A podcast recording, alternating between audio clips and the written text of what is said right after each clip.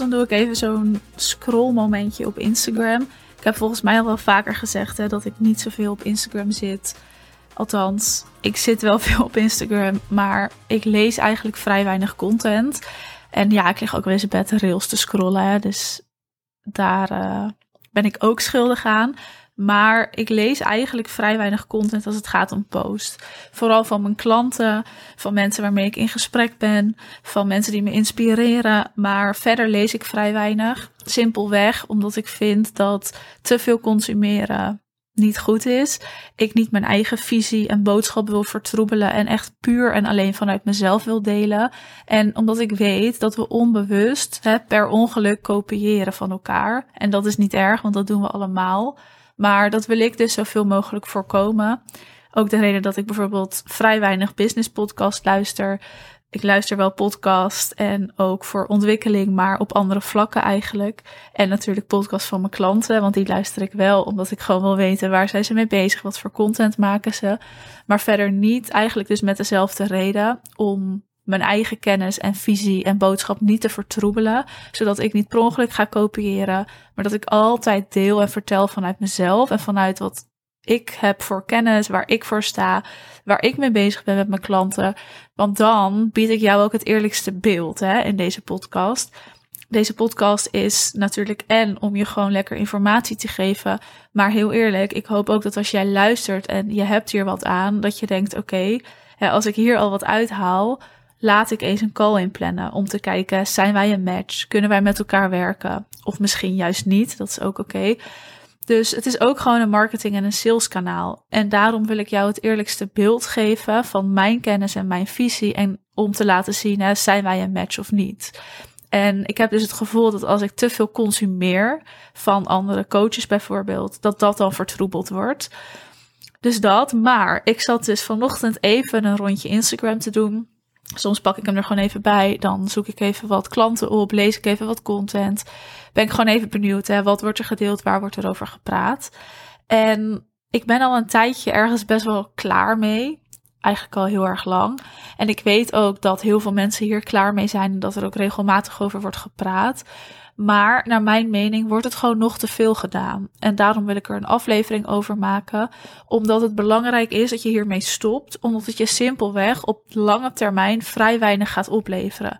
En dat is een heel duidelijk statement. Omdat ik het daar ook echt 100% achter sta. En ik ga het even uitleggen hoor, want nu klinkt het allemaal nog vaag. Maar ik ben er klaar mee dat we als bijvoorbeeld coaches, of nou voornamelijk coaches die dat doen, dat we als coach een soort van triggerende content plaatsen voor je potentiële klant. En dat is dan content om je potentiële klant te triggeren, maar dan op een soort negatieve manier. Dat is of om je potentiële klant naar de mond te praten. Daarmee bedoel ik dat je een super hard statement maakt, zodat een bepaalde groep daarbij kan aansluiten en dan hè, hopelijk bij jou die call in gaan plannen. Wat je daarmee dan doet, meestal, is dat je weer concurrenten, dus eigenlijk conculega's, gewoon andere experts in je vak, een beetje de grond in duwt. En dat is dus ook het derde punt. Dus of dat je content maakt of schrijft om die andere experts tegen het been te schoppen. En ik noem het even triggerende content, omdat ik niet weet wat voor naam ik er anders aan moet geven. Maar het is gewoon content ook altijd met een beetje een negatieve lading. Hè? Dus waar ben je het niet mee eens in jouw markt? Dat is echt zo'n typische zin. Dit zie ik in mijn markt gebeuren, daar ben ik het niet mee eens, want. En ik doe het anders, dus ik ben beter dan de rest dat heeft zo'n negatieve lading. En ik word het echt, nou, elke keer als ik dat weer zie, dan denk ik, ja, waarom schrijf je dit? En ik voel me eigenlijk 9 van 10 keer niet aangesproken door die content, omdat hè, soms ben ik het ermee eens, soms ook totaal niet. Maar het gaat vaak over een markt en 9 van 10 keer slaat het ook nog nergens op. Maar wat je ermee doet, is eigenlijk een bepaalde groep de grond induwen. je maakt jezelf groter en de ander kleiner maar je maakt ook je potentiële klant kleiner. En dat is iets wat je nooit mag doen in je content, naar mijn mening. Hè? Dus hier zit nuance in, want misschien denk jij er anders over en dat mag. Maar in deze aflevering even mijn ongezouten mening hierover. Het slechtste wat jij kan doen in je content en überhaupt in je communicatie, is je potentiële klant kleiner maken dan dat jij bent. Want dat is iemand nooit. Ook al heb jij meer kennis op een bepaald gebied, je bent nooit meer groter of je staat nooit boven jouw klanten. Je staat er altijd naast. Het is een wisseling. Je wisselt iets uit. En nou ja, jouw klant geeft jou geld en jij wisselt daarvoor jouw kennis en expertise uit. Als jouw klant jou geen geld zou geven, zou jij niet bestaan. Dus jij staat niet boven iemand. Nee, je mag juist heel dankbaar zijn voor de klanten met wie je samenwerkt. Maar even terug naar die content. Gelukkig wordt het dus steeds minder gedaan en ik weet dat er veel over wordt gepraat. Maar nogmaals, naar mijn idee wordt het nog te veel gedaan. Wat er gebeurt is dat het een negatieve lading geeft over je hele account. En er zijn een aantal mensen die dit heel erg doen. Wat oké is, want als dat jouw marketingtactiek is en dat voor jou werkt, dan moet je daarmee doorgaan als je je daar ook prettig bij voelt. Maar wat ik zie is dat het op lange termijn niet gaat werken. Dus in het begin werkt het misschien omdat mensen kunnen aanhaken.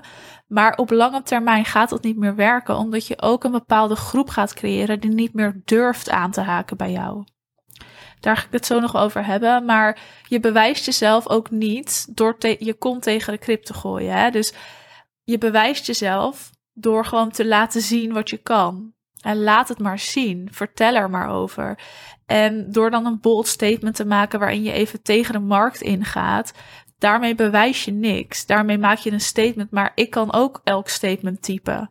En dat kan iedereen. Ik bedoel, mijn broertje of zusje van weet ik veel hoeveel jaar, 16, die kunnen dat ook typen zonder enige kennis van een bepaald vakgebied. Dus je bewijst daarmee niet dat jij de juiste persoon bent voor iemand.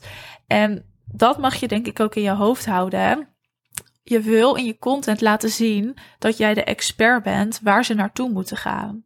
En vraag jezelf dan af: doe je dat door dat soort content te maken? Ja of nee? Nou, ik denk dus van niet. En ik zei het net al, het kan werken daar ben ik het nog steeds mee eens. Want het is echt wel goed om af en toe een statement te maken. Dus het kan werken, maar tot op zekere hoogte. Want als je echt impact wil maken, dan wil je dus verschil maken. En niet alleen voor jezelf, maar ook voor je klanten. En verschil maken in de markt. En dan moet je dat laten zien. Dus hoe wil jij verschil maken en wat voor verschil wil jij maken? Het gaat veel meer daarover dan over: oké, waar ben jij het niet mee eens en hoe doe jij het anders? Laat bijvoorbeeld gewoon eens zien dat jij jouw boodschap belichaamt en letterlijk leeft. Want dat is inspirerend en daarmee ga je fascineren. En ik heb dit al vaker gezegd, met fascineren ga je echt rete aantrekkelijk worden, omdat mensen dan bij je willen kopen, mensen willen van je leren. Dus maak bold moves, kom uit voor je mening. Dat is veel krachtiger dan een bold statement maken die soort van tegen de markt inzwemt om andere experts naar beneden te halen en om jezelf daarboven te zetten. Voor mij werkt dat niet. En ook niet als ik met een coach zou willen samenwerken of met een designer of fotograaf of wie dan ook. Dan werkt het voor mij niet als iemand andere experts naar beneden haalt. Want dat is voor mij veel meer een teken van onzekerheid dan van kracht. En je wil juist die kracht laten zien. En je wil laten zien dat je ergens voor staat, dat je daarvoor durft te staan, dat je een bepaalde kracht in je hebt, dat dat vuurtje brandt. En nou ja, dat soort content maken is nogmaals voor mij dus meer een teken van onzekerheid. Misschien niet weten hoe het anders kan dan van kracht. Dus ja, denk daar maar eens over na. Voor jou kan dit dus nogmaals heel anders zijn. En dit is mijn mening en er zit heel veel nuance in in wat ik zeg in deze aflevering. Maar dit kan gewoon voor iedereen verschillend zijn. Maar dit is in ieder geval hoe ik het zie. Wat het dan eigenlijk is, is een kwestie van je focus verleggen. Dus stel jij denkt: oké, ik maak zulke content of de mensen die zulke content maken en je ziet dat. Het is dus een kwestie van je focus verleggen naar bijvoorbeeld wat zie ik in de markt waar ik het niet mee eens ben, naar wat is mijn mening en hoe versterk ik die in mijn communicatie.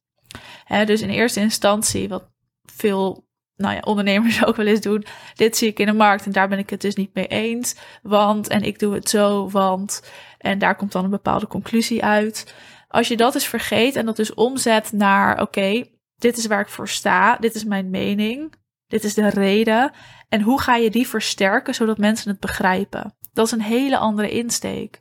Maar bijvoorbeeld ook van waar zit de pijn en hoe versterk ik die? dus de pijn van je potentiële klanten. naar hoe maak ik het verschil voor iemand en hoe kan ik dat duidelijk maken. Dus hoe ga ik laten zien en vertellen dat ik dat verschil maak en hoe ga ik ook bewijzen dat dat zo is in mijn communicatie in plaats van je te focussen op die pijn weer een hele andere insteek. Maar het zou ook kunnen hè, van hoe maak ik nou een bold statement en zwem ik lekker tegen die markt in. Naar hoe vertel ik mijn waarheid en boodschap zodat een ander die begrijpt. Dat is weer een hele andere insteek, veel positiever. En je voelt het al als ik het zeg. En dat gaat je dus ook veel meer opleveren. Want mensen die volgen jou ook omdat het inspirerend is. En we zitten uiteindelijk op social media voor ons lol, voor het plezier en niet om soort van negatieve content te lezen. En we willen daar vermaakt worden. Dus ja, ga iemand vermaken, ga iemand entertainen en bedenk hoe je dat kan doen terwijl je jouw boodschap leeft en belichaamt en vertelt en het verschil maakt. Dat gaat je wat opleveren omdat mensen dan ook bij je durven aan te haken. En dit is ook echt een goede om te onthouden. Ze zijn niet meer bang dat ze wat verkeerd doen. En dat is wel wat er kan gebeuren als je dus juist die andere content maakt. Dan zijn mensen bang, ja, maar als ik hierbij aanhaak en ik zeg of doe iets verkeerd, dan wordt daar misschien wat over geschreven. Dus mensen durven dan veel minder. Terwijl als jij veel opener bent en positiever, dan durven mensen makkelijker bij je aan te haken en dus bij je te kopen. Hè? Want dat is gewoon een gevolg daarvan. Wat je ook tegelijkertijd aan het doen bent, is dat je mensen juist groter aan het maken bent in plaats van kleiner. En ik zei dit dus aan het begin al, maar ik vind het wel echt een belangrijke om toch nog even te benoemen. In je communicatie, in je marketing, in je sales, altijd wil je iemand niet kleiner maken, maar groter. Dit geldt ook voor salesgesprekken. En ja, je mag op de pijn zitten, maar er is echt een verschil tussen iemand het gevoel geven: jij hebt mij nodig, want anders of door iemand te laten zien: oké, je staat hier. Als wij samen zouden gaan werken, dan kunnen we dit bereiken. Dan heeft iemand niet het gevoel jou nodig te hebben, maar dan heeft iemand het idee: oké, als ik met jou ga samenwerken, dan kunnen we gewoon sneller of meer of groter. En dan gaat iemand vanuit een veel positievere insteek ook een keuze maken, jou volgen, jouw content lezen, uiteindelijk misschien bij jou kopen. En dat resulteert er ook weer in dat jouw klanten veel meer tevreden zullen zijn met uiteindelijk het resultaat. Omdat ze er met een positieve intentie en instelling ingaan, in plaats van met een soort angst: oh ja, als ik dit niet doe, dan kom ik er niet. En dat is ook het verschil wat je al in je content kan maken. Maar deze is dus ook belangrijk hoor voor salesgesprekken. In zo'n sales call wil je iemand niet kleiner maken. Sommige mensen zitten heel erg op de pijn in een sales call. En hè, wat gebeurt er als je het niet doet? Of ja, dat zijn vragen die naar mijn idee je niet heel erg helpen. Simpelweg omdat je ook de juiste klanten wil aantrekken. Dus je wil echt op die andere kant gaan zitten. Hè? Wat kunnen we samen bereiken? Hoe snel kunnen we dat bereiken? Waar wil je naartoe en is dat mogelijk samen? Dus veel meer de positieve kant op, de groeikant op. In plaats van iemand dus kleiner maken, maak je iemand groter. En dat wil je ook doen in je content. En daarom mag je dat gaan switchen. En dus ook in je content gewoon wel lekker je visie delen en je mening delen. Hè? Want dat mag. Ik wil graag je mening horen. Maar je kan dat ook op een fijne, positieve manier vertellen. In plaats van op een manier waarmee je dus anderen klein maakt. Nu zeg ik niet dat dat fout is en dat dit goed is.